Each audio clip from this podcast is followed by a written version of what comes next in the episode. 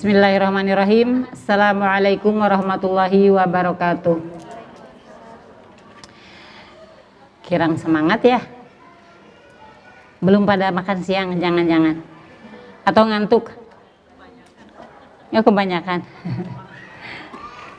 Wah, yang ini juga belum nyala ya?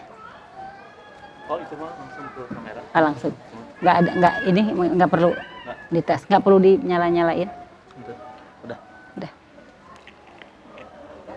Bismillah, innal hamdalillah nahmaduhu wa nasta'inuhu wa nastaghfiruh wa min syururi anfusina wa min sayyiati a'malina may yahdihillahu wa may yudlilhu fala hadiyalah. Asyhadu illallah wa anna Muhammadan abduhu wa rasuluh. Allahumma salli wa wa barik wa an'im ala habibina Muhammadin wa man tabi'ahu bi ihsani ila yaumidin ya ba'du. Alhamdulillah marilah kita panjatkan puji dan syukur kepada Allah Subhanahu wa taala pada siang hari ini. Allah karuniakan kepada kita tambahan nikmat. Kita bisa berkumpul di tempat yang insya Allah penuh dengan keberkahan. Di rumahnya Allah kita berkumpul di masjid mudah-mudahan segala kebaikan masjid juga menjadi kebaikan bagi kita semuanya. Semoga Allah juga meluruskan niat kita. Kita sudah berusaha dari rumah meluruskan niat. Mau menuntut ilmu ya insya Allah. Mudah-mudahan di jalan tidak tergoyahkan niat kita betul-betul untuk menuntut ilmu insya Allah. Salawat salam sejahtera semoga senantiasa tercurahkan kepada baginda Nabi Shallallahu Alaihi Wasallam kepada keluarganya, kepada para sahabatnya, dan kepada para pengikutnya sampai kita semuanya mudah-mudahan bisa mengikuti sunnah-sunnahnya. Dan nanti kita akan mudah dikenali oleh Rasulullah SAW dari tanda-tandanya, dari ciri-cirinya sebagai pengikut Nabi sehingga kita mendapatkan syafaat dari baginda Sallallahu Alaihi Wasallam. Teteh-teteh udah siap taklim belum?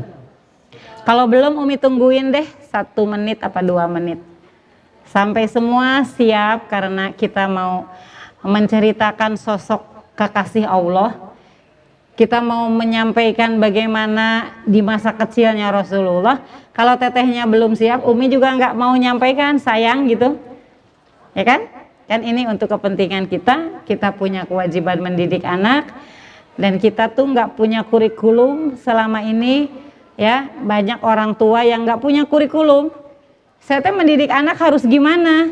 Cuma berdasarkan tradisi aja. Dulu orang tua saya mendidik saya kayak begini, terus kita nyontek. Padahal hasilnya didikan orang tua cuman kayak begini ini loh gitu loh. Ya. Nah, maka kita membutuhkan kurikulum sekolah ibu, kurikulum bagaimana belajar menjadi ibu gitu. Jadi insya Allah yang akan kita bicarakan insya Allah hal-hal yang penting bagaimana materi-materi pendidikan kita di rumah itu lebih berkualitas dan bisa kita pertanggungjawabkan di hadapan Allah karena kita mendidik dengan ilmu. Kita mendidiknya dengan kurikulum yang memang kurikulumnya sudah teruji. Kita kan nggak boleh ya uji coba, coba-coba. Coba deh kurikulum yang ini hasilnya kayak gimana? Eh ternyata hasilnya jelek gitu ya. Ternyata generasinya generasi letoi semua nih dari dari kurikulum ini. Rombak lagi, coba deh dengan kurikulum yang ini. Eh ternyata hasilnya adalah generasi yang eh, tidak semangat, tidak bertanggung jawab dengan syariat ya. Diuji lagi, diuji lagi gitu. Nah kita ambillah kurikulum yang sudah teruji.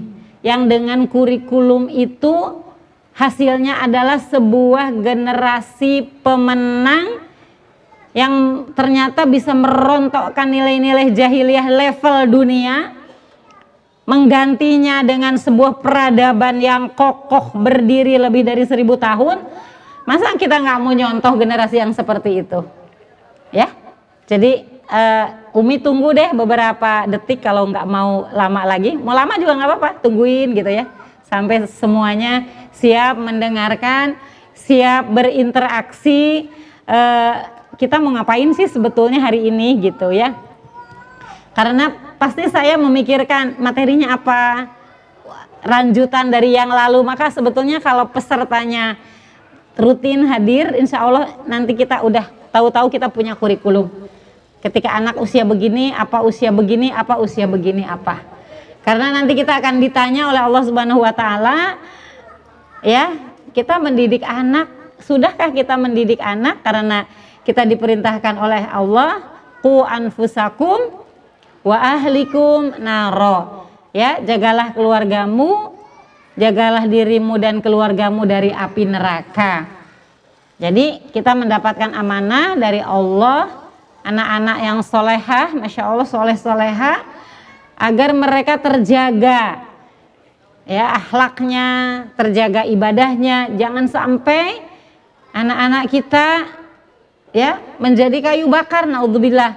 Maka bagaimana kita mempersiapkannya sejak bahkan sejak sebelum menikah ya bagaimana memilih pasangan bagaimana prosesi pernikahan bagaimana posisi hamilnya itu harus disiapkan semuanya.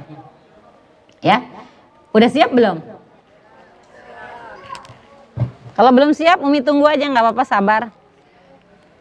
Ya kan capek juga bicara gitu ya. Tapi yang mau diajak bicaranya belum siap ya. Sudah siap? Sudah siap ya. Uh, insya Allah mudah-mudahan satu jam kalau nggak kurang juga nggak apa-apa lah ya sedapatnya aja materinya uh, sesuai dengan materi yang sudah diedarkan di flyer bahwa hari ini kita akan belajar dari masa kanak-kanak Nabi Nabi itu ketika masa kanak-kanak bagaimana dididik. Yang mendidiknya Allah. Allah yang punya kurikulum. Karena Rasulullah dipersiapkan untuk menjadi nabi. Allah yang memilih.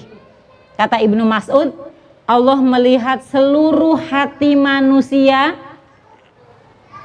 dan pilihan Allah jatuh kepada Muhammad untuk dijadikan pemimpin umat. Ya, nabi akhir zaman.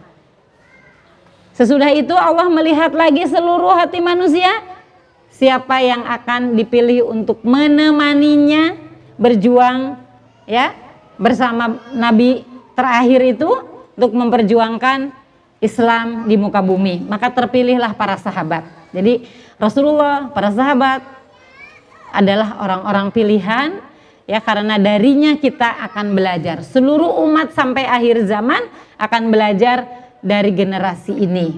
Inilah generasi pilihan yang memang dijadikan contoh ya, untuk kita semua mereka mendapatkan jaminan dari Allah Subhanahu wa taala di dalam ayatnya ya wasabiqunal awwaluna minal muhajirin wal ansor waladzina taba'uhum bi ihsan radhiyallahu anhum waradu'an. Itulah jaminan dari Allah bahwa generasi ini Rasulullah, para sahabat, para tabiin, tabiut tabiin, mereka adalah generasi terbaik yang menjadi contoh bagi generasi berikutnya ketika kita mau berbicara tentang pendidikan umat. Itulah contoh. Mereka sudah mendapatkan jaminan dari Allah Subhanahu wa taala. Ya. Maka sudah sepantasnya yang kita ambil adalah ya contoh yang baik, contoh yang sempurna. Rasulullah SAW kalau kita melihat bagaimana fase-fase yang dilalui oleh Rasulullah SAW yang terekam di dalam sejarah ya sejak eh, kelahirannya kemudian bagaimana masa kanak-kanaknya bagaimana masa remajanya itu semua sudah dipersiapkan oleh Allah Subhanahu wa taala. Jadi keyat, bahkan keyatiman baginda Nabi Shallallahu alaihi wasallam itu itu bukan kebetulan. Bukan kebetulan, ya. Keyatimannya bahkan itu sudah dipersiapkan oleh Allah Subhanahu wa taala. Keumiannya Rasulullah itu bukan kebetulan. Apa Rasulullah, apa Allah tidak bisa mencari gitu orang yang sudah pandai membaca dan menulis? itu bukan kebetulan. Semuanya sudah dipersiapkan oleh Allah Subhanahu wa taala. Bahkan keumiannya, ya. Nabi yang umi tidak bisa membaca, tidak bisa menulis itu itu sudah dipersiapkan. Semuanya sudah dipersiapkan, ya. Jadi kalau ada hari ini orang-orang yang mencela nabi, ya, ada yang merendahkan nabi, ya. Itu sebetulnya dia sedang merendahkan dirinya sendiri, gitu ya. Maka kita harusnya ada peristiwa seperti ini mendorong kita untuk semakin semangat mempelajari siroh nabawiyah. Biar kecintaan kita kepada baginda Nabi itu punya alasan. Kenapa kita mencintai Nabi punya alasan selain alasannya adalah itu perintah dari Allah Subhanahu wa taala ya. Jelas itu perintah. Ya. Untuk kita mencintai Nabi, untuk mengikuti Nabi itu adalah perintah dari Allah Subhanahu wa taala, tapi untuk diri kita sendiri harus kita punya alasan. Maka ayo kita pelajari ya sirah nabawiyah agar ketika kita mencintai baginda Nabi Shallallahu Alaihi Wasallam dan ditanya kenapa anda mencintai Rasulullah padahal anda tidak pernah berjumpa dengannya itu kita punya alasan yang kuat. Nah eh, teteh-teteh sama ibu-ibu di hadapan eh, umat semuanya ini ada gambar ya. Sebetulnya gambar ini dihadirkan untuk memberikan eh, visualisasi gambaran kira-kira ketika Nabi anak-anak, Nabi masa anak-anaknya dibesarkan di lingkungan seperti ini kira-kira di Badiah ya, lingkungan pegunungan yang jauh dari kota Mekah. Kira-kira seperti ini ya, yaitu sebuah pegunungan yang tentu juga uh, sedikit airnya dan um, suku Hawazin itu, suku Hawazin itu adalah sukunya siapa ibunya? Ibu asuhnya? ibu susuannya Halimatus Sya'diyah dari suku Hawazin itu ya ini budayanya mereka tidak biasa membuat rumah ya. Hidupnya di tenda-tenda. Itu ini gambarannya ya seperti ini kira-kira karena mereka memang nomaden.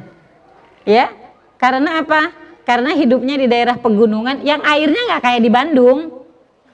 Jadi mereka akan berpindah sesuai dengan ketersediaan air dan ketersediaan rumput karena mereka hidupnya dari beternak ya. Hidupnya dari beternak. Jadi di sini habis air ya akan pindah ke tempat yang lain. Ya ya. Nah Nabi dibesarkan seperti itu. Ya Nabi dibesarkan seperti itu. Apakah itu karena Nabi uh, orang miskin? Bukan. Nabi itu kan keluarganya adalah pemuka Quraisy. Pemuka Quraisy. Dan inilah kebiasaan bangsawan. Justru kebiasaan bangsawan Quraisy itu menitipkan anaknya di usia susuan kepada mereka. Apakah tidak ada skenario? Ada. Apakah itu di luar dari kurikulum? Itu sudah di kurikulumnya. Ya.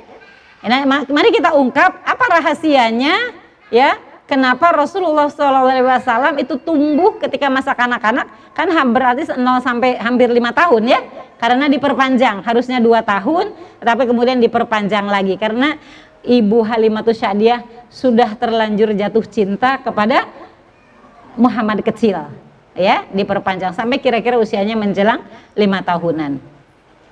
Nah eh, penjelasannya ya Badiah itu jadi kawasan di mana Rasulullah SAW tumbuh masa balitanya masa balitanya adalah di Badiah. Apa yang dimaksud dengan Badiah? Badiah adalah kawasan terbuka dan luas dengan sedikit curah hujan, tidak terdapat banyak pohon, hanya beberapa bagiannya ditumbuh ya, ditumbuhi rumput karena ada sumber air. Jadi yang ada rumputnya itu adalah yang dekat dengan sumber air. Ya. Nah, lokasi Badiah lebih dekat ke Sahara. Kira-kira dekatnya tuh emang ke Sahara. Jadi memang Ibu kalau tahu jazirah Arab ya, Jazirah Arab itu kan di tengahnya ada yang luasnya tuh justru Sahara itu. Sahara tuh nggak bisa dihuni. Di situ nggak ada air. Ya, dan itu kan berpasir. Jadi memang Sahara itu kosong. Tidak bisa tidak bisa dihuni. Ya. Nah, penduduknya, penduduk yang tinggal di sana namanya penduduk Badawi. Makanya kita sering dengar ya, sering dengar Arab Badui, Arab Badui ya itu. Nah, kehidupan masyarakatnya bergantung kepada beternak kambing, domba, dan unta. Gimana nih ibu-ibu? Kita mau pindah ke gunung? biar anak-anak kita tumbuh di gu- pegunungan ya paling tidak sekali-sekali ada program keluarga kita camping ke gunung gitu ya Nah, kalau saya sama anak-anak punya program tahunan jadi kita dengan keluarga itu harus ada program mingguan saya anak saya udah menikah semua tapi saya masih punya program. Ada program mingguan ada program bulanan ada program tahunan. Nah tahun ini ke mana nih? Jadi kalau mingguan tuh kita ngumpul Jumat Sabtu Ahad itu kan sudah agak longgar-longgar kegiatannya ya anak-anaknya yang nggak sekolah ngumpul. Apa saja kita kegiatannya? Kita berbicara apa mendiskusikan apa? Itu seperti itu. Ya nanti kalau tahunan ke mana nih tahun ini beberapa tahun lalu kita campingnya di daerah Ciwidey. Rencana tahun kemarin di villa. Kemarin di villa. Tahun ini kita camping lagi. Tapi kita belum menentukan ke mananya. Ya jadi kalau kita hidupnya memang tidak di tengah begini nah pada saat itulah kita ketika kita safar ketika kita bermalam itu kepribadian masing-masing anak kita keluar sekali kan? Jadi bagaimana cara kerjasamanya membangun tenda ya mereka sendiri membangun tenda ya jadi tendanya suami istri suami istri suami istri suami istri gitu kan. Eh, saya nanti sama kalau suami nggak bisa ikut ya saya dengan anak yang eh, belum menikah misalkan gitu ya. Eh, itu juga ba- banyak sekali pelajarannya.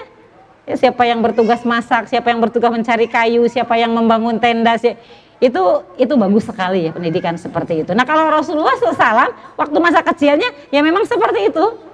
Ya, jadi kalau kita memang hari ini eh, tidak bisa tidak di daerah, tapi nanti pemilihan suku Hawazin dan pemilihan Badiah seperti ini itu bukan juga sembarangan. Di sana ada kelebihan yang dimiliki oleh mereka. Bani Sa'ad adalah Bani Sa'ad ya bin Bakar bin Hawazin.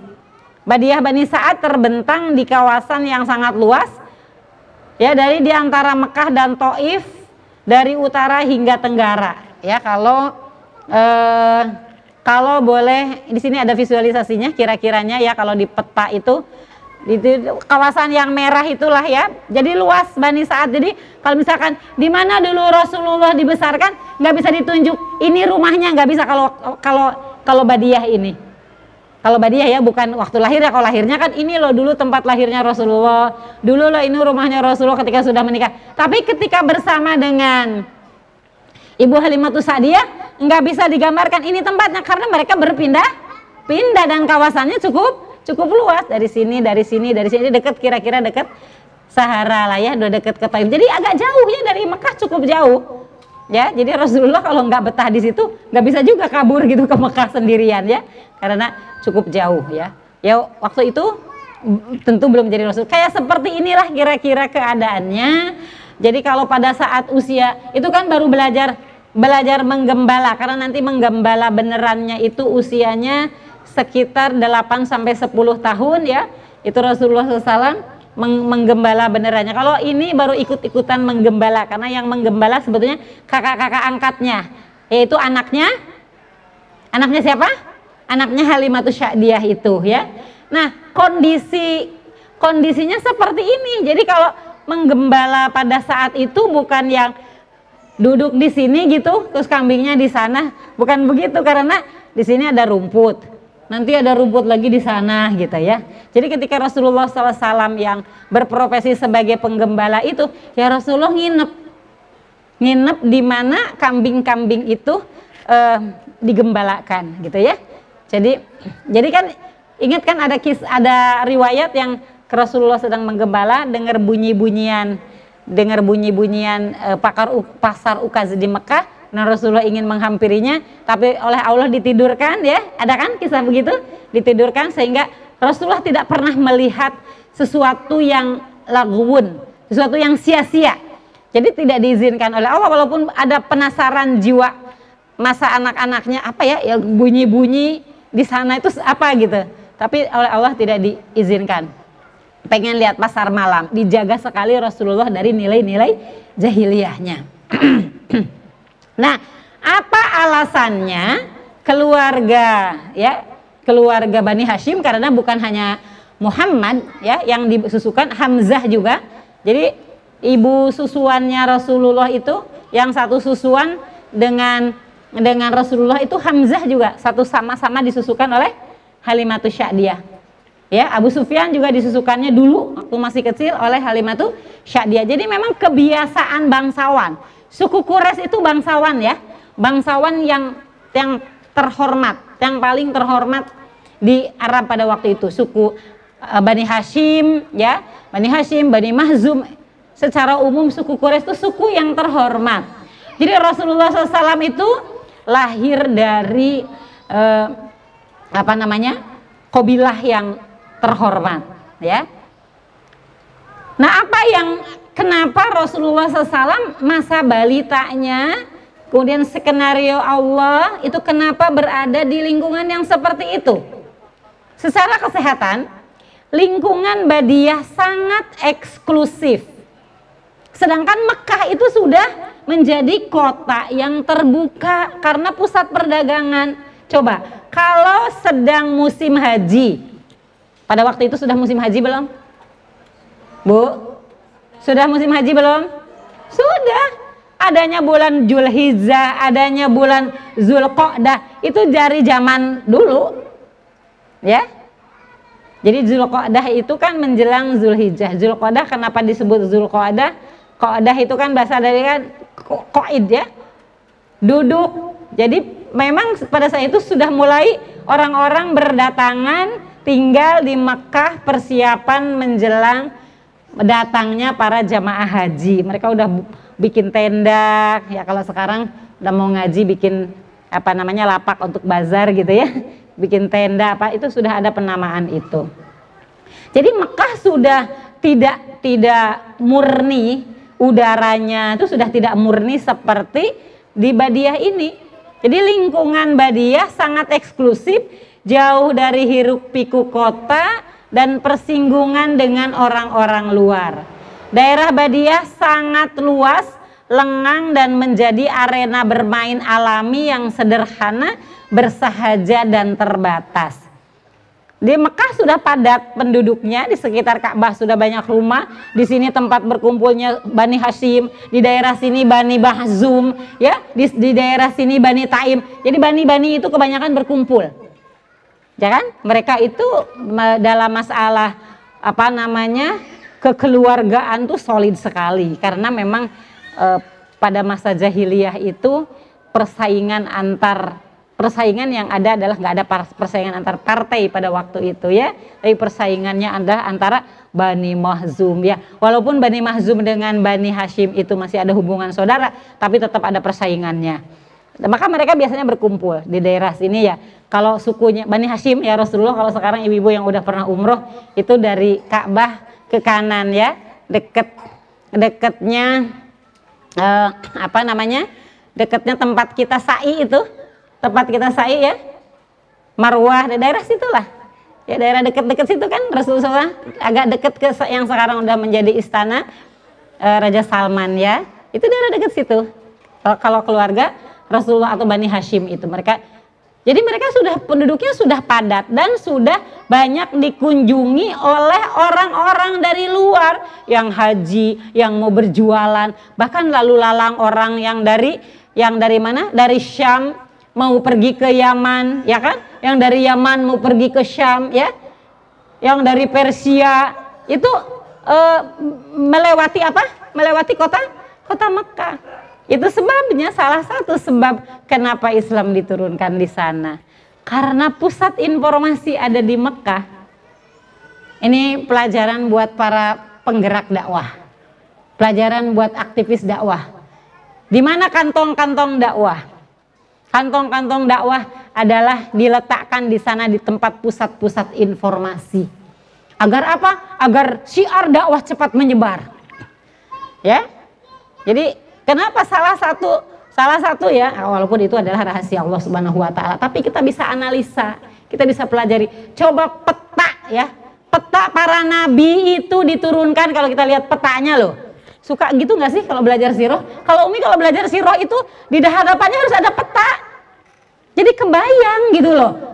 Rasulullah diturunkan di sini, Nabi Syuaib di sini, Nabi Nuh di sini. Itu harus ada peta. Saya kalau belajar siroh, belajar sejarah apa pun. Misalnya ketika kita sedang membaca eh, masa kejayaan Andalusia. Bagaimana ya? Bagaimana eh, Torik bin Ziyad, bagaimana masa masa masa apa namanya? zaman bagaimana menaklukkan apa Andalusia itu kan bertahap tuh nyebrang ya nyebrangnya di Gibraltar gitu ya. Jabal Tarik gitu ya. Itu bagaimana? Kan bertahap itu. Dikuasainya kan Eropa kan bertahap. Nggak langsung bleg gitu kan nggak begitu. Dikuasai dikuasai begitu kan? Nah itu kita di depan kita harus kan biasanya di sejarah itu ditulis. Singgah di sini kemudian ya menyeberang ini. Kan harus kebayang kalau enggak ya cuma teori doang. Jadi kalau Umi kalau belajar itu udah sejarah. Itu di sini ada peta ya kan? Terus ketika kita bicara Nabi Su'eb di mana? Nabi Nuh turun di mana? Itu kita harus lihat petanya.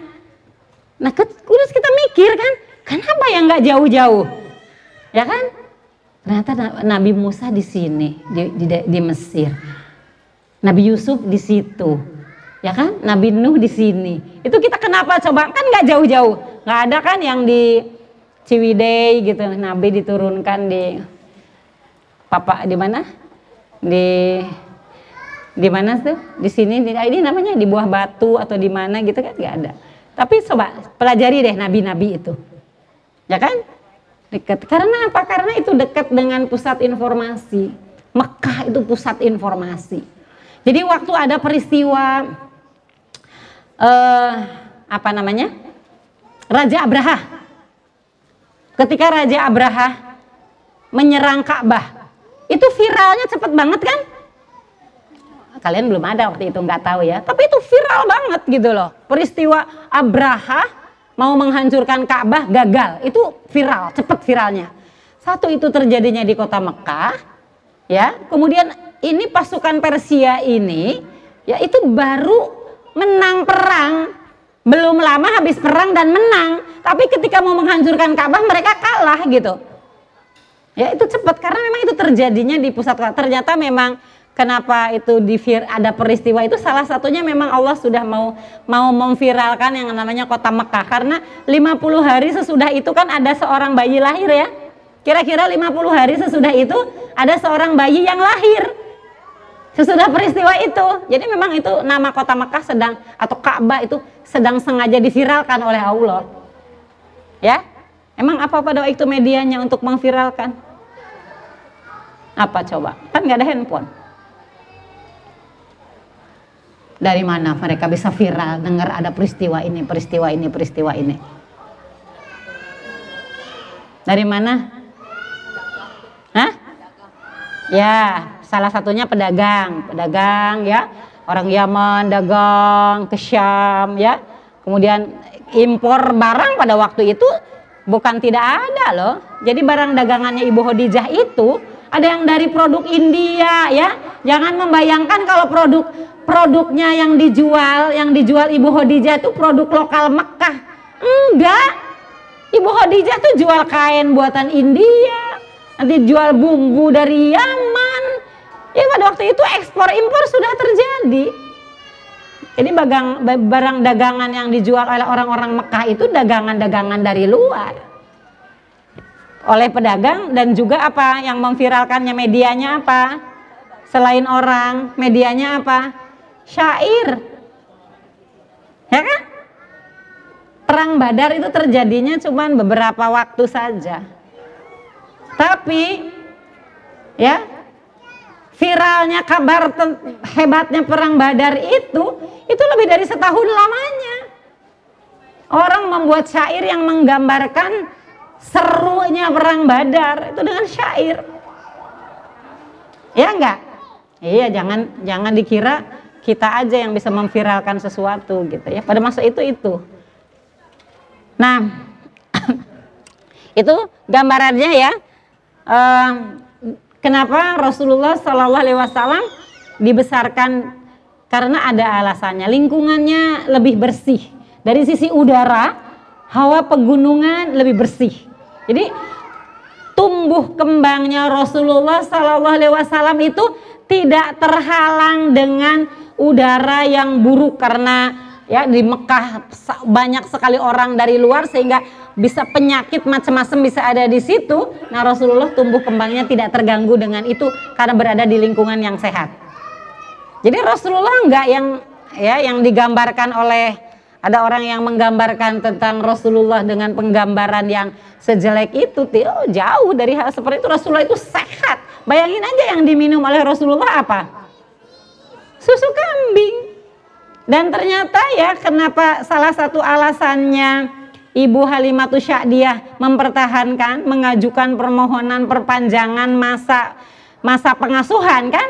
Ya ketika harus mau dipulangin itu berat sekali Ibu Halimatus Sya'diyah. Yang pertama memang Allah Subhanahu wa taala sudah meletakkan cinta ya, cinta kepada kepada Ibu Halimatus Sya'diyah. Yang kedua emang keberkahan hidup yang dirasakan oleh Ibu Halimatus Sya'diyah selama Rasulullah SAW bersamanya. Susu yang kurus menjadi gemuk, eh kambing yang kurus menjadi gemuk, kambing yang tidak bersusu menjadi susunya banyak gitu ya. Ya Rasulullah minumnya minum susu makanya daging kambing gitu. Bukan kayak kita yang potong yang disuntik hormon ya, makannya rumput-rumput yang pilihan gitu ya. Jadi lingkungannya seperti itu eksklusif, eksklusif sekali nggak mudah kena penyakit karena berada di lingkungan yang sehat ini lagi yang yang ini yang yang tak kalah pentingnya dari sisi bahasa Bahasa Badiah merupakan rahim bahasa Arab. Ternyata memang suku Hawazin itu bahasa Arabnya yang paling baik. Ya. Paling orisinil. Karena dia kalau di Arab kan sudah datang orang dari India, datang dari Syam, datang dari Persia, datang dari mana karena itu di situ sudah menjadi pusat perdagangan. Jadi bahasanya kayak di Jakarta nih. Jakarta kan bahasanya udah udah nggak udah nggak orisinil lagi ya karena ya orang Bandung aja bahasa Sunda enggak bahasa Indonesia bukan gitu ya. Karena di Bandung udah bercampur orang macam-macam tapi pada waktu itu bahasa Badiah merupakan rahim bahasa Arab yang orisinil. Standar bahasanya fasih dan bebas dari pengaruh bahasa asing. Ini ini di sini kita bisa mengambil pelajaran oh ternyata anak seusia begitu itu mereka harus menguasai bahasa ibu dulu. Jadi saya mah kurang setuju kalau anak kecil ya usia di bawah lima tahun udah diajarin bahasa asing. Nanti dia jadi tidak kenal bahasa ibu. Dia harus tahu bahasa ibu dulu baru nanti diajarin bahasa asing. Bahasa ibunya dulu. Nanti kalau diajarin bahasa Arab dulu ya kan menantu-menantu saya ustadz ya pada bahasa Arabnya cascis cus gitu ya. Tapi anak-anak bahasa Indonesia dulu sambil diperkenalkan bahasa Arab tapi bukan bahasa Arab dulu, karena dia harus tahu bahasa ibunya dulu. Misalkan mau menulis buku berdakwah untuk orang Indonesia, kan harus bahasa Indonesia. Mau ceramah, misalnya anak kita nanti mau jadi dai di Indonesia, harus bisa bahasa apa? Bahasa Indonesia dulu. Ya kan? Nah, bahasa ibu yang masih murni adalah suku Hawazin ini. Maka Penting kenapa? Kenapa kita penting mengajarkan bahasa ibu dan bahasa yang baik kepada anak-anak? Yang pertama kecerdasan. Itu tergantung dari penguasaan kosakata dan bahasa seseorang. Ya? Bah ini, ini tentang pentingnya bahasa. Kemudian juga kebangkitan peradaban itu akan dimulai dengan bangkitnya literasi. Jadi anak-anak sudah didekatkan dengan literasi itu sejak dini, dipersiapkan jadi kalau dulu ya saya juga masih dulu nih zaman zaman saya sekolah, zaman saya di SMA, kayaknya jadi anak IPA itu keren gitu ya. Jadi anak bahasa itu kayaknya kurang keren gitu. Ternyata itu salah ya. Ternyata itu salah. Ternyata bahasa itu Masya Allah ya untuk menguasai bahasa. Ternyata penguasaan seseorang terhadap bahasa atau banyaknya kosakata yang dikuasai itu itu menggambarkan kecerdasan seseorang. Ya. Jadi Masya Allah kita belajar dari kurikulum yang memang Allah Subhanahu wa taala terapkan untuk baginda Nabi wasallam itu luar biasa. Nah, keunggulan bahasa Arab Bani Sa'ad apa keunggulannya bahasa Arab Bani Sa'ad atau suku Hawazin? Jadi ibu Halimatus Sya'diyah itu dari suku suku Hawazin. Ya baninya Bani Bani Sa'ad. Ini digambarkan oleh Ibnu Abbas. Al-Quran turun dengan tujuh dialek ya kan ada kiro, namanya kiroah sabah kan yang disepakati ya yang disepakati oleh oleh uh, kuro ulama kuro itu kiroatus sabah. Kiroah sabah. Sabah berarti berapa? Tujuh ya. Nah, Al-Quran turun dengan tujuh dialek Arab. Lima di antaranya adalah dialek Hawazin. Dari yang tujuh itu, lima di antaranya dari dialek Hawazin. Ya, ibu-ibu sudah kalau sudah belajar tahsin, insya Allah nyambung nih. Kalau saya bicara tentang kiroah sabah, ya kiroah asroh ya, gitu. nah, kecerdasan bahasa Nabi. Ibnul Qayyim Al-Jauziyah di dalam kitab Jadul Ma'ad, eh, di dalam kitab Jadul Ma'ad, beliau menulis begini. Rasulullah SAW adalah orang yang paling fasih tutur katanya. Ya, orang Rasulullah SAW adalah orang yang paling fasih, tutur katanya sangat santun, makna ucapannya mengalir, dan perkataannya begitu indah sehingga merasuk ke dalam hati dan menyentuh ke dalam jiwa. Musuh-musuhnya pun mengakui itu. Jadi kecerdasan bahasanya Rasulullah Shallallahu Alaihi Wasallam itu luar biasa. Ya ibu-ibu ya, nih ibu-ibu muda, ini mama muda, mulai kita menyadari pentingnya mengajarkan bahasa ibu kepada anak-anak kita dan menggunakan bahasa yang baik. Ya, sekarang kan kalau kita pakai bahasa yang baik, bahasa yang formal tuh dianggap aneh gitu ya. Tapi itu harus karena anak-anak kita nanti akan menjadi ya duta-duta Islam yang harus mungkin menulis atau berkata sesuatu tentang Islam. Anak harus punya modal berbahasa yang bagus. Jangan sampai anak tidak mengerti bahasa yang bahasa ibu, bahasa yang baku. Ya, kalau kita menulis kan menulis buku kan harus menggunakan bahasa yang bahasa yang baku. Bahasa Indonesia yang baik dan benar.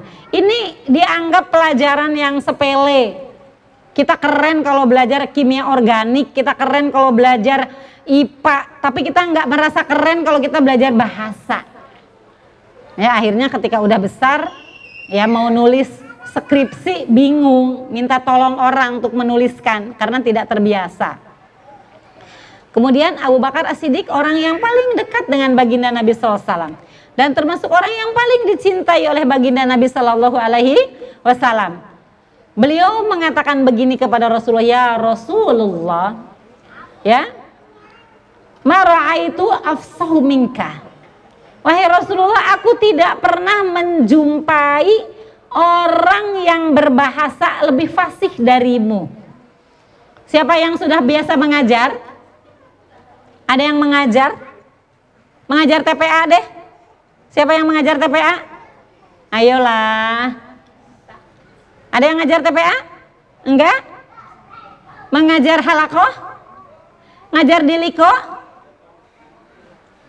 Halo? Enggak ada nih? Harukum man ta'allama al-Qur'an wa 'allamahu. Sebaik-baik kamu adalah orang yang belajar Quran dan mengajarkan. Belajarlah Al-Quran dan mengajarkanlah walaupun kepada anak dua orang, tiga orang, empat orang. Anak tetangga dulu diajarin. Nah, ayo belajar sama kakak, ayo belajar sama ibu, ayo belajar sama tante, ayo belajar sama umi. Ingat ya, masa ditawari oleh Rasulullah begitu nggak mau?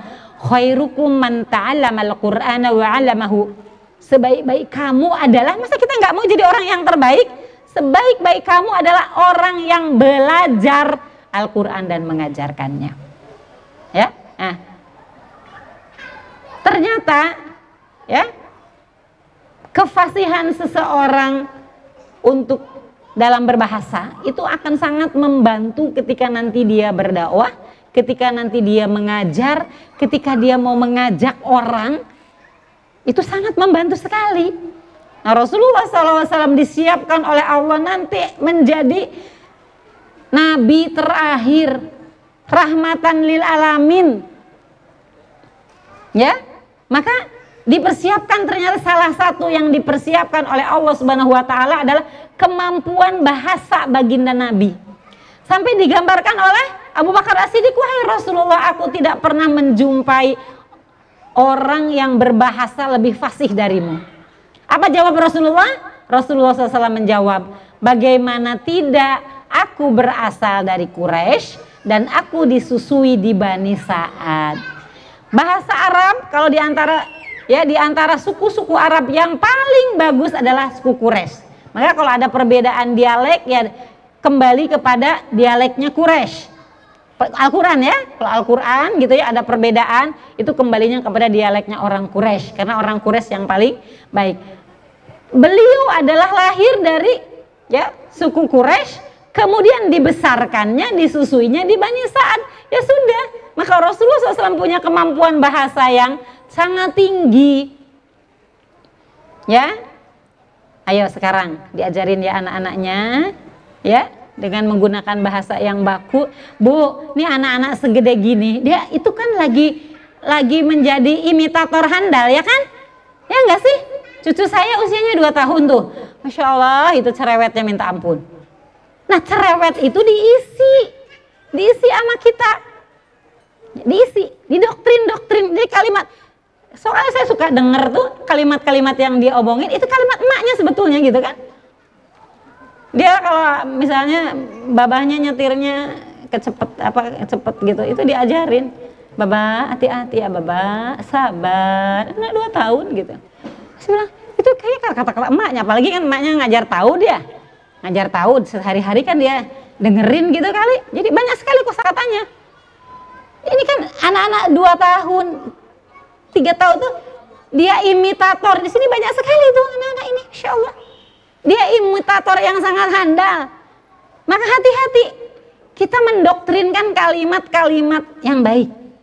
Nanti yang keluar yang baik-baik, maka jangan izinkanlah dia nonton YouTube yang gak jelas, nonton TV yang isinya iklan, diulang, diulang, diulang, diulang, diulang, iklan yang diulang-ulang sampai dihafal. Jadi nanti dia lebih hafal iklan daripada ayat-ayat Al-Quran. Kita mendoktrinkan, ya kalimat-kalimat yang nanti akan keluar ada kalimat-kalimat yang diisi oleh kita, gitu ya. Karena itu menjadi modal dan juga untuk mengasah kecerdasan ya. Insya Allah. Setuju nggak ibu-ibu? Teteh-teteh, ayo ya mau dimulai apa enggak? Ayo kita lihat. Saya mau lihat satu tahun kurikulum ya nanti ya. E, dan saya harap mudah-mudahan teman-teman ini hadirnya istiqomah ya. Kan jauh saya dari Jakarta ke sini kan dibanding dengan teman-teman cuma dari Ciwidey, cuma dari mana lagi? Dari mana aja sih? Cimahi ada? Ada nggak dari Cimahi? Terus dari mana lagi? Dari mana? E, Cisahem? Lupa lagi, Umi teh Bandung teh mana wae ya? Soreang? Ada dari Soreang? Dari mana wae? Ya kan? Kenapa? Kenapa saya ingin ini ibu-ibu paling tidak satu tahun ke depan kita punya satu tahun mungkin sekitar 10 ya 10 10 judul lah mungkin kan mungkin ada lebaran mungkin yang kita nggak ada kajian atau paling tidak dalam 12 bulan ini minimal 10. Saya pengen melihat sesudah 10 ini saya wawancara apa saja yang terjadi kepada anak Anda. Kalau diterapkan loh, lah kalau nggak diterapkan buat apa kita belajar ginian? Capek-capek. Saya bikin materi itu mikir loh, materi apa yang akan disampaikan? Mikir nggak kira-kira? Mikir kan? Apa dan ya kita lihat referensi dan kita juga mikir urutannya gimana? Ini berurutan loh nih materinya Ngerasa nggak berurutan materinya? Berurutan, berdasarkan umur. Ini anak-anak nih. Nanti berarti minggu depan, eh bulan depan, insya Allah remaja ya. Ya kan? Remaja. Nanti dewasa. Nanti menikah. Rasulullah menikah bagaimana? Ya kan? Apa yang harus dipersiapkan ketika anak kita mau menikah? Semuanya dipersiapkan, jangan kayak kita dulu. Ya kan? Kita belajar makanan yang sehat baru sekarang ya. Setelah nonton Dr. Zaidul Akbar? Kalau saya yang saya pegang gurunya Zaidul Akbar. Dr. Meti. Dr. Akbar tuh punya guru. Jadi beliau kalau mau ngisi konsultasinya sama beliau. Yaitu Dr. Meti, SPOG sebetulnya ya, tetapi sekarang sedang S3-nya nanobio, nanobiologi. Dan kami mau bikin acara. Saya bilang apa ya judulnya ya dok ya? Gimana kok saya mengusulkan gini, gimana dok kalau judulnya gini? sepiring hidangan untuk generasi pemenang gitu. Jadi kita harus memikirkan hidangan di piring itu hidangannya apa agar anak kita tuh nanti jadi generasi juara. Jadi generasi pemenang. Memang umat Islam mau kalah terus? Halo? Halo ibu-ibu? Mau ya kalah terus umat Islam? Gak mau. Itu siapa yang mau melahirkan generasi pemenang? Generasi Salahuddin Al-Ayubi. Siapa? Orang lain. Kita bukan. Kita bukan. Ini saya bikinin kurikulumnya. Ya kan? Nah nanti sampai dari menghidangkan makanan untuk generasi pemenang tuh apa? Apa cilok? Seblak? Ya kan? Apa nih isinya? Eh, PR nih belajar. Ayat-ayat Al-Quran bilang kepada kita, Kulu washrobu walatusrifu, kulu halalan toyiba. Toyib itu harus didefinisikan dengan benar, sesuai dengan ayat-ayat kauniyah dan ayat-ayat kauliyah. Harus bisa menjelaskan itu. Kita udah belajar macam-macam. Apa isi piring kita adalah kualitas kita. Ya? Itu. Itu jadi PR kita tuh. Nanti mempersiapkan anak kita mau menikah. Nanti kuliah pranikah itu juga masuk di dalamnya adalah bagaimana menyiapkan sepiring hidangan untuk generasi pemenang tuh gimana tuh. Kalau saya mau bikin kelasnya untuk ibu-ibu. Ya, kelas bagaimana ya e, yaitu dengan dokter, kelas bagaimana hidangan apa sih yang harus disiapkan? Untuk kesehatan suami, kesehatan anak-anak biar nanti cerdas, biar soleh, biar sujud ya biar mau sujud kepada Allah. Seperti apakah itu berkaitan loh. Ya kan? Kualitas makanannya apa mengandung apa untuk apa? Harus hati-hati. Saya bikinkan kelas. Kita mau lihat nanti generasi yang udah emak-emaknya belajar ini kita lihat dievaluasi generasinya kayak apa dibandingkan dengan generasi sebelumnya. Jadi mau diamalkan gak nih yang kurikulum udah saya buat? Apa buat disimpan aja dicatat dicatat masukin di laci gitu? Nanti balik mendidik balik lagi balik lagi gitu? Nggak mau ya? Nggak mau insya Allah nggak mau. Kita mau merubah ya Salahuddin Al Ayubi itu nggak muncul dengan sendirinya dia lahir di masa apa di masa Islam terpuruk apa di masa Islam jaya di masa Islam terpuruk apa masa Islam jaya? Generasi Salahuddin Al-Ayubi. Ayo, sejarahnya PR. Masa terpuruk lah itu lagi perang apa? Perang salib kan? Mereka yang bikin nama perang salib, bukan dari kita. Mereka bikin nama perang salib. Apakah lahirnya Salahuddin Al-Ayubi yang kemudian akhirnya bisa mengalahkan mereka muncul dari batu? Bukan, itu bukan bukan hanya muncul tiba-tiba nggak dipersiapkan oleh zaman. Jadi itu sudah produk zaman yang sedang yang sudah memperbaiki sistem tarbiyah ya, sistem tarbiyah di madrasah-madrasah, sistem tarbiyah di keluarga-keluarga sehingga muncul itu namanya Salahuddin Al-Ayubi. Jadi kita hari ini sedang mempersiapkan benih-benih bagaimana nanti akan lahir generasi pemenang sebagaimana Muhammad Al-Fatih, sebagaimana Salahuddin Al-Ayubi. Semangat enggak nih? Nanti sayanya yang semangat sampai keringetan gitu ya. Ibu-ibunya santai. Ini jangan makan kebanyakan makan cilok. Boleh makan cilok, tapi jangan banyak-banyak. Jadi lemes begini, kayak aci jadinya gitu ya. Nah, makannya makannya yang jangan terlalu banyak makan aci. Makannya apa dong? Tulang gitu ya. Tulang makannya biar keras gitu. Nah, Karakteristik bahasa Nabi. Coba kita perhatikan. Bagaimana karakteristik bahasanya Nabi? Bahasanya Nabi syarat makna. Jam, ya? Jawamiul kalim. Jadi jami. Jadi syarat makna. Pendek. Ya, pendek tetapi bermakna. Ya. Kalau kita lihat ya, hadis-hadis Rasulullah SAW. Nasihatnya kepada Ibnu Abbas ketika di kendaraan. Ya, apa coba nasihatnya? Ya gulam, ihfadilah, ihfadka. Ketika dijelaskan ternyata para ulama bahkan Ibnu Abbas sendiri menjelaskannya panjang lebar ternyata ya dijelaskan ihfadilah yahfadka. Itu bisa menjelaskan banyak hal. Ihfadillah yahfadka. Jadi singkat, padat, bermakna.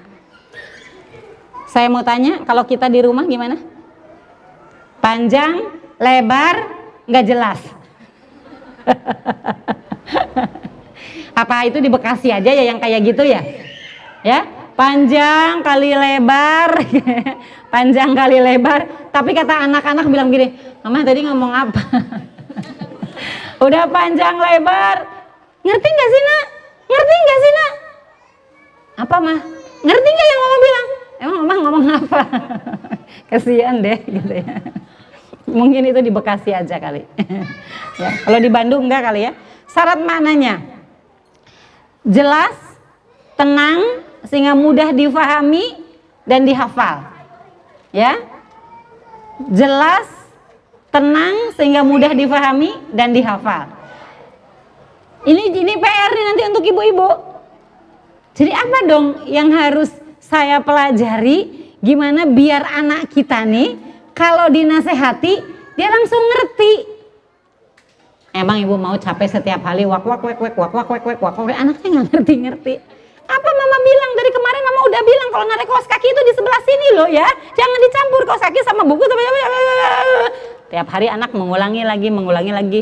Kok nggak ngerti ngerti ya kan mama udah bilang. Besoknya lagi begitu. Nah itu loh kain ya tiap hari apa kita nggak evaluasi gitu. Apa yang salah ya?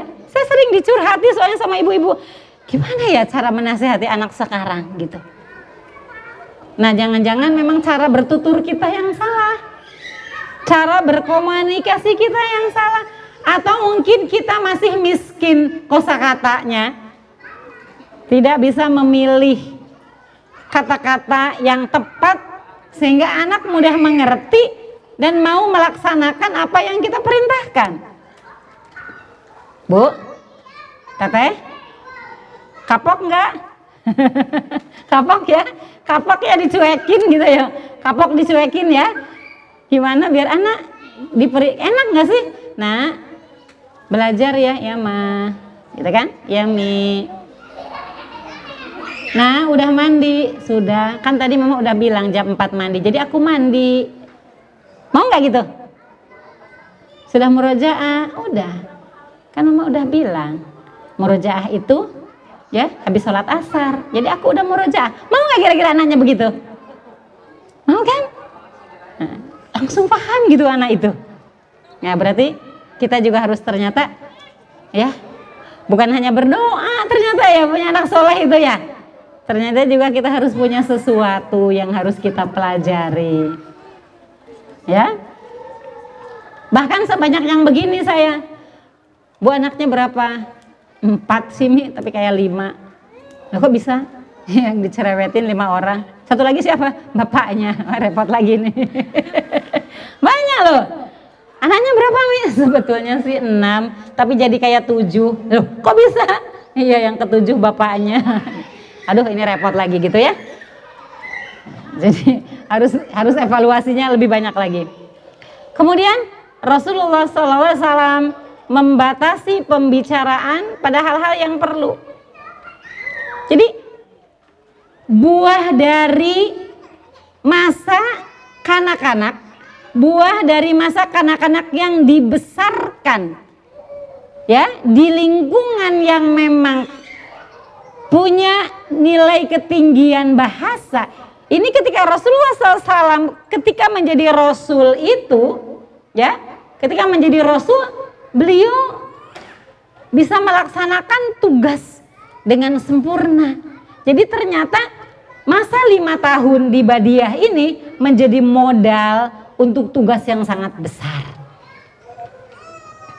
Maka fase berikutnya di masa para tabi'in ya di masa para tabi'in kurikulum pendidikan para tabi'in adalah satu Al-Qur'an, yang kedua bahasa Arab. Jadi mereka belajar bahasa Arab ya, jangan dikira kalau para para tabi'in kalau para sahabat kan dididiknya oleh Rasulullah ya. Para tabi'in kan dididiknya oleh para sahabat. Maka generasi tabi'in itu kurikulumnya apa? Bahasa Arab, Al-Quran dan siroh. Karena para tabiin bukan pelaku siroh. Yang menemani Rasulullah SAW sehingga ya ada di dalam peristiwa-peristiwa yang ada di dalam siroh itu generasi para sahabat. Jadi para sahabat nggak belajar siroh karena mereka sebagai pelaku seja sejarah. Nah para tabiin inilah yang belajar itu. Ini digambarkan ya. Digambarkan oleh uh, Husain oleh eh, oleh Ali bin Husain ya. Cucunya Husain ya. Itu beliau mengatakan bahwa eh, cucunya anaknya ya.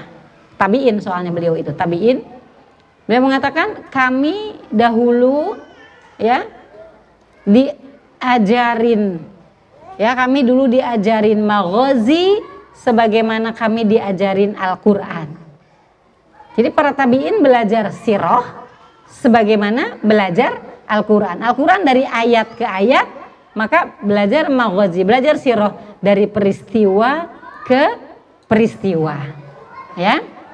Kemudian dari kalimatnya, dari kalimat Rasulullah, selalu yang tergambar adalah optimisme.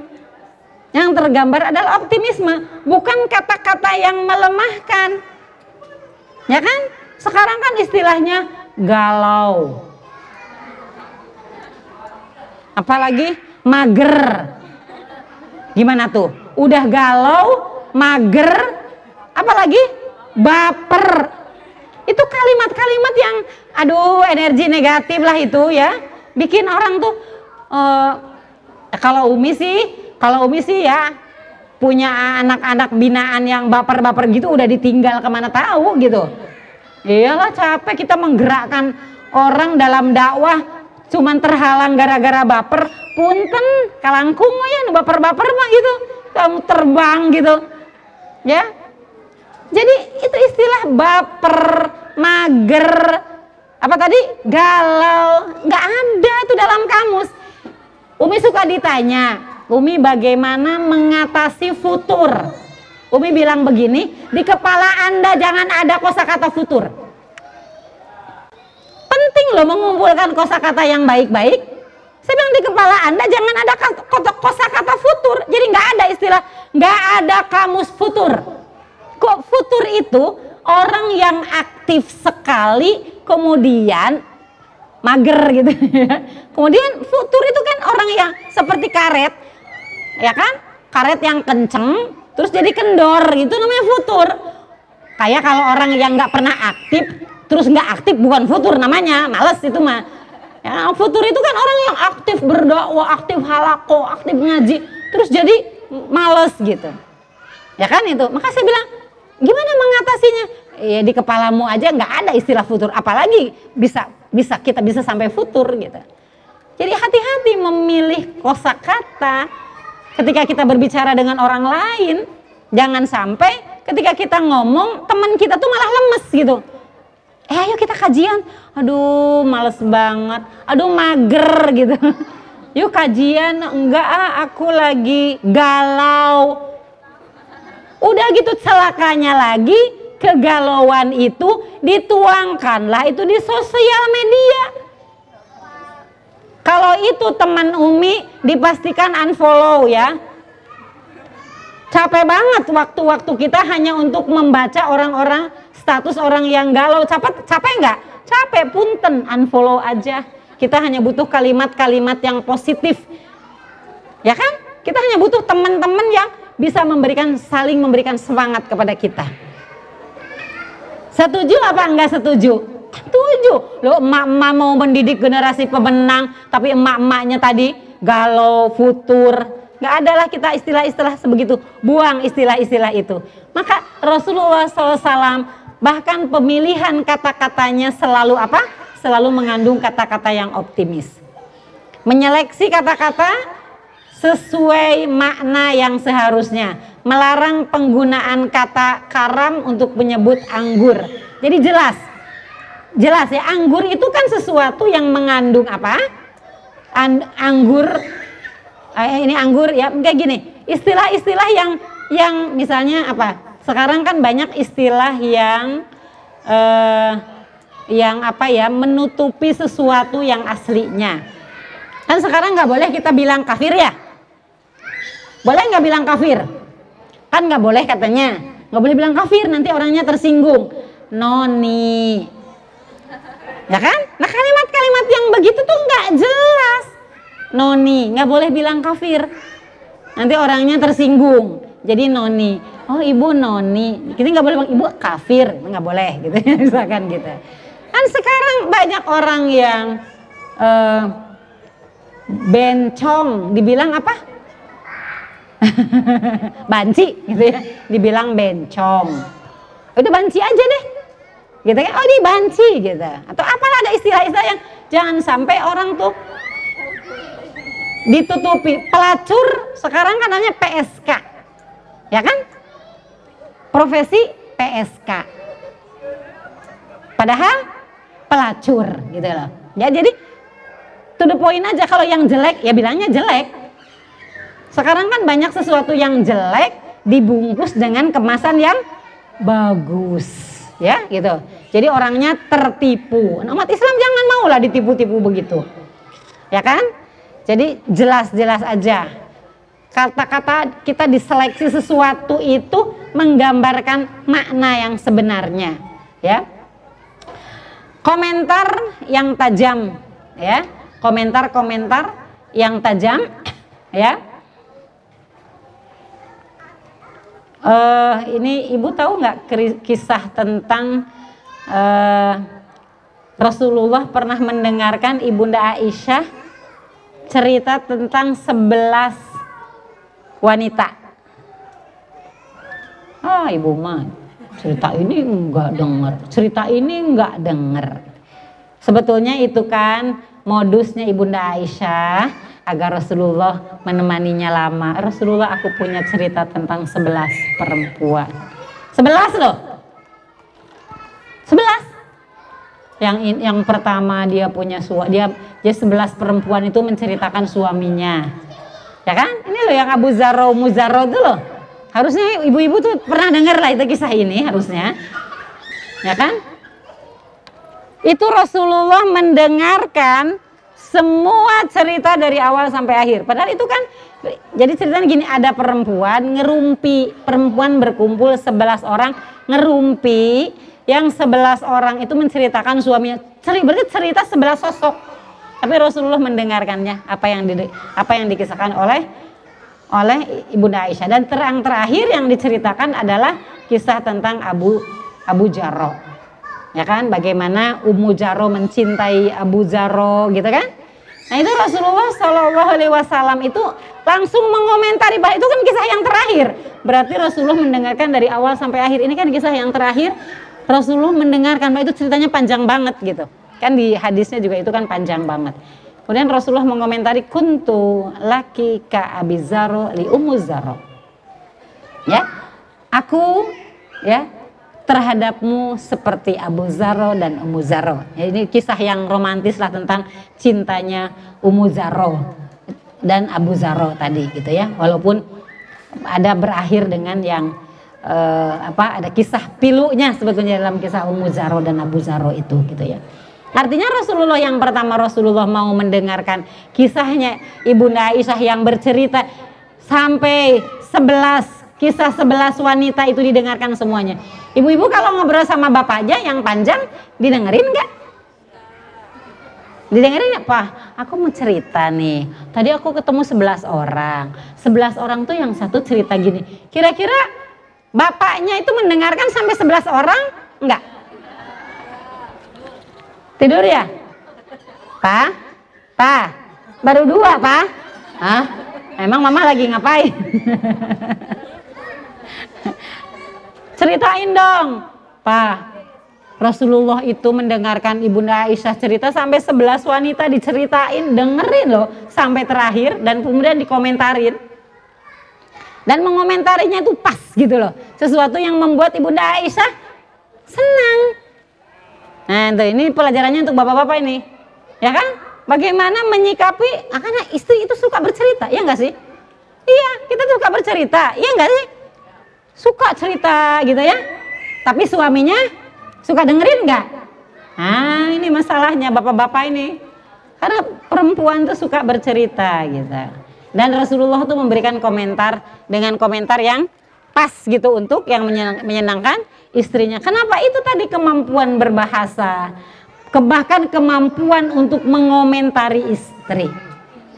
Artinya begini loh, kita kan punya balita itu ada laki-laki dan ada perempuan. Ya kan? Bekalilah mereka kosakata yang baik apa yang diperlukan kosakata-kosakata penting untuk anak perempuan? Apa kosakata-kosakata yang penting untuk laki-laki? Karena perempuan itu nantinya akan menjadi istri dan akan menjadi ibu dan laki-laki itu nanti akan menjadi kowam bagi istrinya, akan menjadi kepala keluarga. Jangan dibalik nanti apa kosakatanya laki itu penting ya, karena kan nanti sebagai sebagai seorang pemimpin dia harus memimpin bagaimana dia bisa menjadi pemimpin yang berwibawa seorang istri ah, dia akan menjadi ibu yang mendidik dan dia akan menjadi istri yang taat kepada suaminya. Kan perlu kalimat-kalimat yang menggambarkan ketaatan seorang istri itu apa? Ya pak, ya kan? Insya Allah pak, ya kan? Misalnya gitu ya. Jangan enggak aja kosa katanya. Nanti kosa katanya enggak aja, enggak ah. Masa sih? Nanti dulu. Nah jangan ya kan? Ini kan sebagai seorang perempuan itu diajari nanti. Kalaupun misalkan sekarang cara kan ada anak anak-anak kecil nih. Ada nih kalau kita baru ngomong enggak.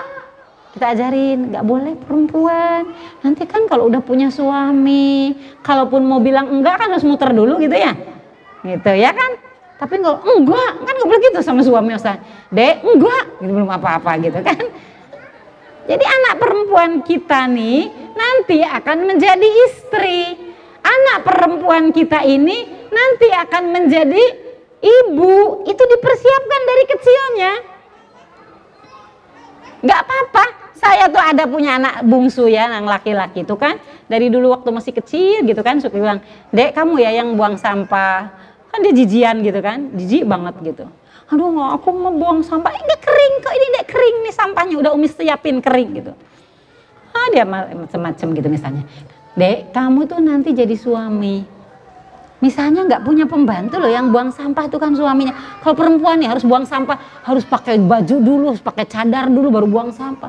Ah umi aku kan masih kelas 3 masa aku punya istri? Ya sekarang kelas 3 nanti kan kamu punya suami juga gitu itu sering kan kalau kalau kita bilang nanti tuh kamu jadi suami, ah Umi ini masa suami suami? Gitu. Loh kan dia nanti jadi suami, itu didoktrin dari sekarang. Nanti kalau kamu jadi suami ya, nah apaan sih sekarang aja udah SMA masih bilang apa sih masih lama. Heh udah SMA dari dulu masih lama aja bilangnya. Ini udah SMA sebentar lagi loh. Kamu tuh nanti jadi suami. Jadi kita memang mendoktrin dia nanti jadi suami nanti jadi suami. Anak perempuan juga begitu. Heh, anak perempuan jangan apa-apa tidak, apa-apa tidak. Jangan banyakkan tidak karena nanti dia harus menjadi istri yang taat, ya kan? Rijalu qawwamuna 'ala nisa. Sedangkan istri apa? Fasolihatu qonitat. Kita kita membayangkan anak kita tuh nanti jadi istri. Ya, jadi beda nggak mendidik anak perempuan sama mendidik anak laki-laki? Beda kan ada bukunya juga beda. Mendidik anak laki-laki ada bukunya sendiri. Mendidik anak perempuan ada bukunya sendiri gitu ya. Ya secara akidah, secara ibadah sama. Tapi dari sisi komunikasi, penggunaan bahasa, pemilihan kosakata harus berbeda. Dan kita membedakannya dari kecil, bahkan memisahkan tempat tidur anak laki-laki dan anak perempuan sejak tujuh tahun. Masing-masing anak-anak kita sudah tahu sadar gendernya itu dari kecil. Ya kan? Sadar gender itu dari dari kecil gitu ya Menyeleksi kata-kata Rasulullah SAW tidak menyukai penggunaan nama yang mengandung makna mulia bagi sesuatu yang tidak layak mendapatkannya, begitu juga sebaliknya. Ini loh hari ini dibolak dibalik, ya kan? Kalau untuk orang Islam yang soleh, istilahnya apa? Apa? Ya kan? Untuk wanita muslim yang soleha, yang cantik, panggilannya apa? Dan sebaliknya, sekarang kan dibolak-balik gitu ya. Yang baik diimagekan buruk, yang buruk diberikan image-image yang baik. Dibolak-balik. Ya. Nah, Rasulullah SAW menolak itu, maka kita harus kita ini harus harus tegas. Sesuatu yang buruk ya dikatakannya buruk, sesuatu yang baik yang dikatakannya baik. Rasulullah SAW melarang memanggil orang munafik dengan wahai Tuhan kami, ya kan? Nah sekarang kan walaupun kafir, walaupun munafik, kalau dia bos ya manggut-manggut juga kan? Ya kan? Padahal ya membenci Islam, tapi kita manggut-manggut aja, ya buatlah diri kita punya izah sebagai seorang muslim. Kita kan yang kita yang menentukan, kita yang memilih kita mau menjadi apa kan? Maka ketika kita menjadi seorang muslim, jadilah seorang muslim yang punya izah. Karena kalau kita menjalankan syariat, pasti kita akan punya izah. Setuju tidak? Setuju ya, ya harus setuju. ya. Seperti itu kira-kira ya Rasulullah SAW melarang memanggil Abu Jahal dengan Abu Hakam. Abu Abu Hakam Abu Jahal itu oleh kaumnya dipanggilnya Abu Abul Hakam. Orang yang bijaksana, orang yang adil. Padahal dia membenci Islam, padahal dia memerangi Islam. Maka Rasulullah melarang memanggil Abu Jahal sebagai Abu Hakam walaupun di kalangan mereka ketika di Darun Nadwa dipanggilnya Abul Hakam dipanggillah oleh Rasulullah dan para sahabat sebagai Abu Jahal. Ya, siapa Anda yang berani panggil Abu Jahal? ya. Bahasa dan peradaban ini ya.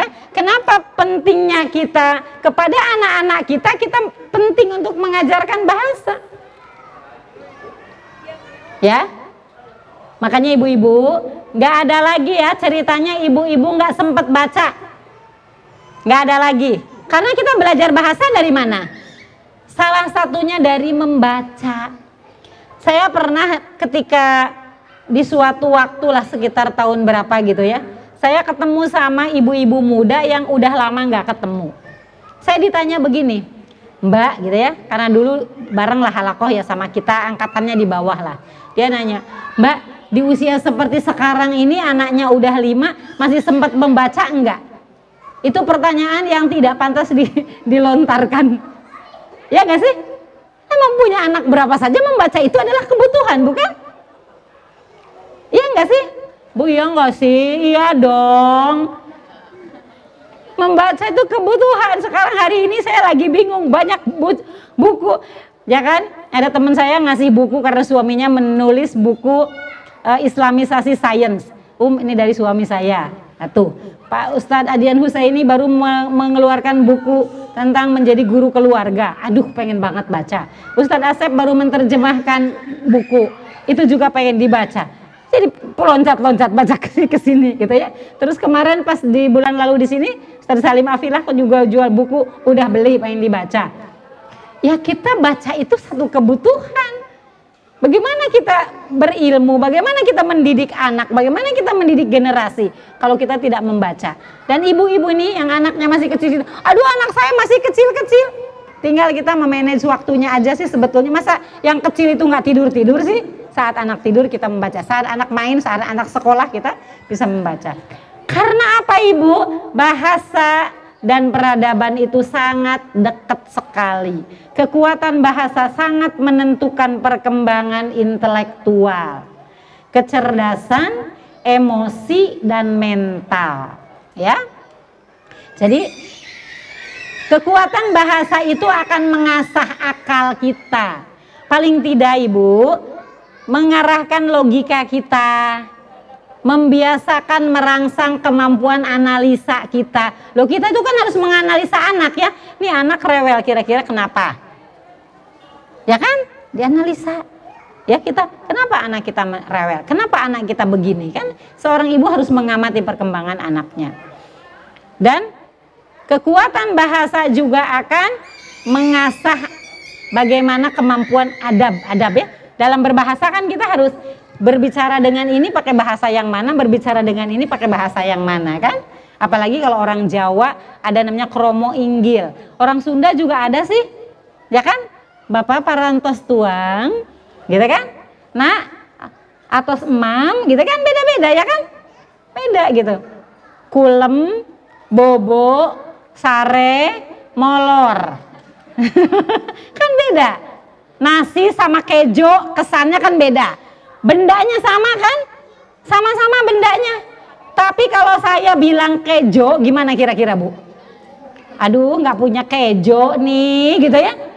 Jadi bahasa itu menggambarkan ada peradaban seseorang ada di level mana.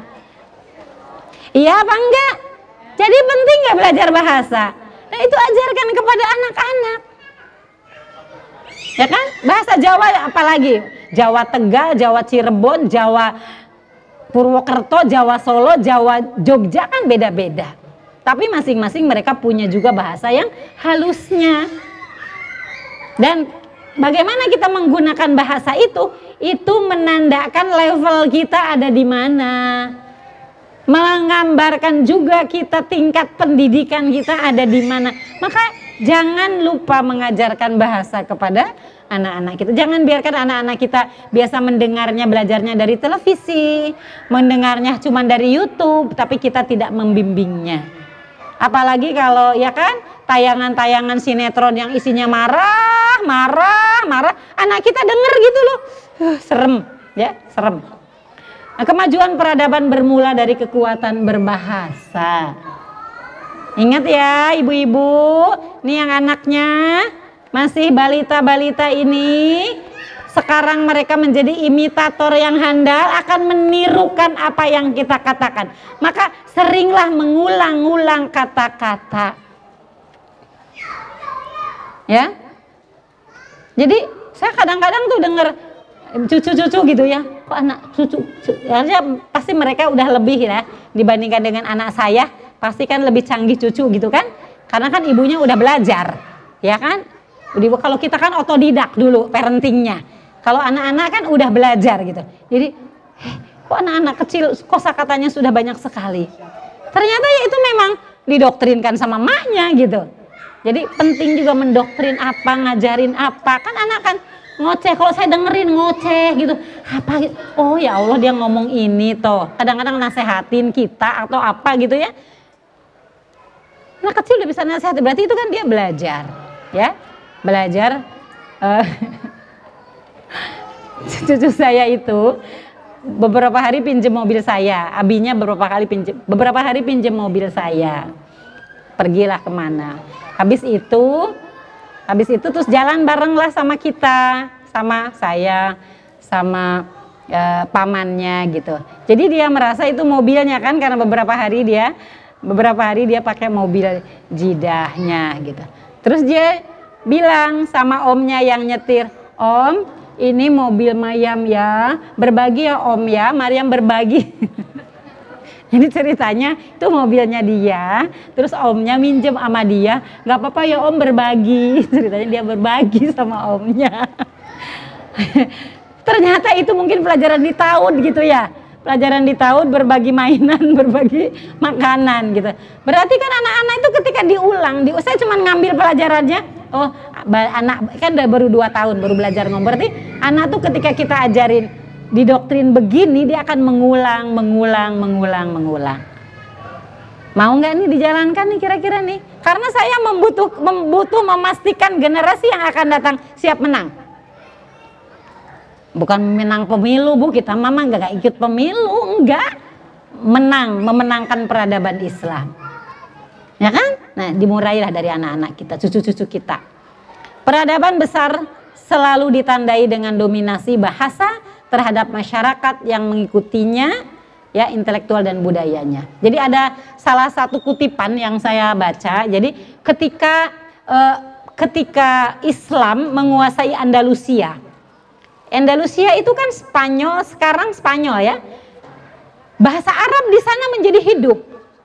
Sehingga anak-anak muda di Eropa ya berarti kan deket ke Perancis sudah deket gitu kan? Daerah-daerah daerah Portugis gitu. Itu anak-anak Eropa di sekitar itu menyatakan cintanya di masa-masa remaja pada saat itu itu dengan bahasa Arab.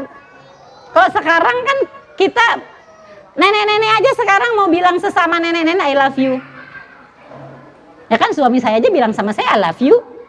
Gitu kan Berarti siapa yang menang hari ini? Kan sekarang eh, anak-anak pondok aja, anak-anak Lipia aja, anak Lipia itu kan belajarnya bahasa Arab.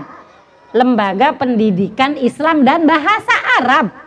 Tapi kalau bikin judul seminar, kenapa suka pakai bahasa Inggris? Saya kenapa kalian suka banget pakai bahasa Inggris? Jadi kalau judul seminar itu pakai bahasa Inggris, kenapa nggak pakai bahasa Arab? Tandanya apa? Peradaban dikuasai di mana hari ini? Karena pada masa kejayaan Andalusia, orang Spanyol, orang Prancis, orang-orang Eropa itu menyatakan remaja-remajanya menyatakan cintanya dengan bahasa Arab. Anak uhibuki ilaik, anak uhibuki, anak uhibu ilaik, anak uhibuki. Sampai orang-orang ya orang-orang barat pada waktu itu prihatin dengan itu. Kenapa anak-anak remaja kita mereka mengekspresikan perasaannya dengan bahasa Arab? Berarti ada dominasi Arab di Eropa pada waktu itu.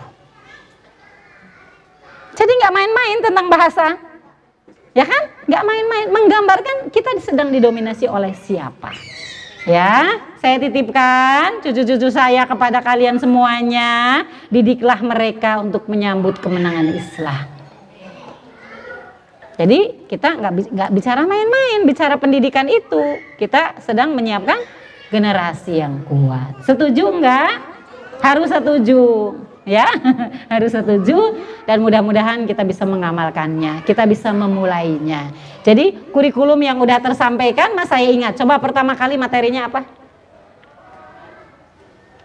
Ayo saya ingat. Kalian jangan-jangan nggak ingat. Pertama di situ waktu pertama kali di situ apa sekolah orang tua terus yang kedua paradigma orang tua, anak dalam Islam. Yang ketiga,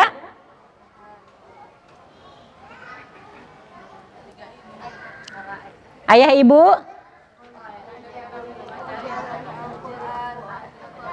Ayah ibu. Ayo. Ayah ibu, penuhilah hak anakmu. Yang keempat, wahai ibu, Ajarkan aku la ilaha illallah. Ini yang keberapa berarti? Lima. Apa?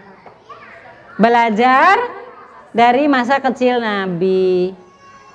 Ya, berarti usianya berapa nih? 0 sampai 5. Karena yang kemarin itu kan 0 sampai 2. Yang kemarin kan 0 sampai 2 kan? Apa itu? 0 sampai 2. Diktelah mereka dengan la ilaha illallah. Berarti berikutnya adalah belajar adab. Belajar adab dimulai dari apa? Berbahasa yang baik. Ya, berbahasa yang baik. Karena apa? Bahasa menggambarkan peradaban. Bahasa menggambarkan bagaimana adab kita. Sudah cukup ya? Untuk pertemuan kali ini insya Allah cukup. Mudah-mudahan bisa diamalkan. Nanti di murojaah ya. Nanti di murojaah lagi ya. Kemudian nanti habis murojaah tasmi ya. Mudah-mudahan uh, semoga Allah ya menyampaikan kita di mm, tahun depan. Sampai jumpa setahun lagi di 2020 mudah-mudahan Allah ya me mengizinkan kita ya masih hidup di di tahun 2020 aku lupa lihat assalamualaikum warahmatullahi wabarakatuh Alhamdulillah tadi kita sudah menyimak kajian hari ini ya belajar dari masa anak-anak Nabi. Uh, tadi kita uh, menyimak bahwa Allah Subhanahu Wa Taala memilih Nabi terakhir kita karena beliau memiliki hati yang paling baik. Maka kita harus belajar harus belajar kehidupan dari beliau. Uh, termasuk masalah yang sedang kita hadapi atau yang akan kita kita hadapi yaitu mendidik anak. Rasulullah tadi uh, Allah pilihkan uh, dibesarkan di lingkungan yang paling baik dilihat dari kesehatannya dari bahasanya dan uh, bahasa ini sangat penting karena bahasa itu adalah modal yang paling penting untuk anak di masa depan kecerdasan bahasa sangat menentukan perkembangan intelektual, kecerdasan emosi dan mental seseorang.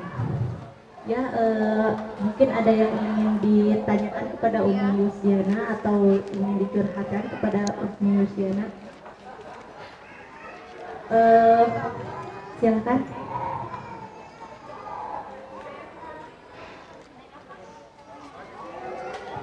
jangan curhat kali kalau curhat kok kayak ada masalah gitu.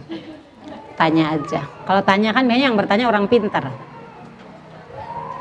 Kalau curhat orang yang ada masalah.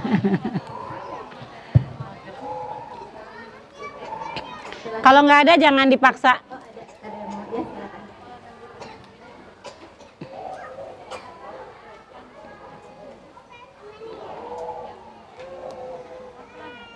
Assalamualaikum warahmatullahi wabarakatuh. Waalaikumsalam warahmatullahi Eh, syukran ya materinya. Eh, yang ingin saya tanyakan, alhamdulillah sekarang saya sudah dikaruniai anak usia 10 bulan.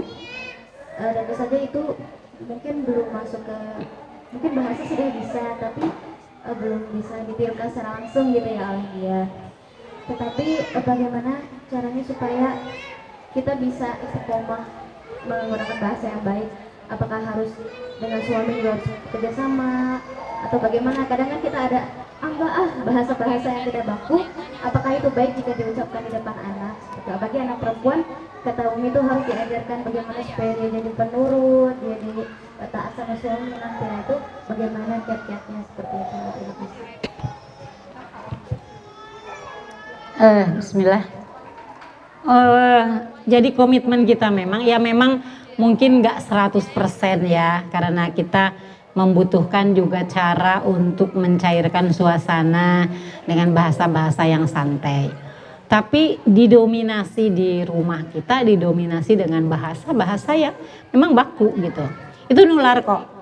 Nular sampai eh, karena kita sudah biasa menggunakan bahasa yang baku gitu ya.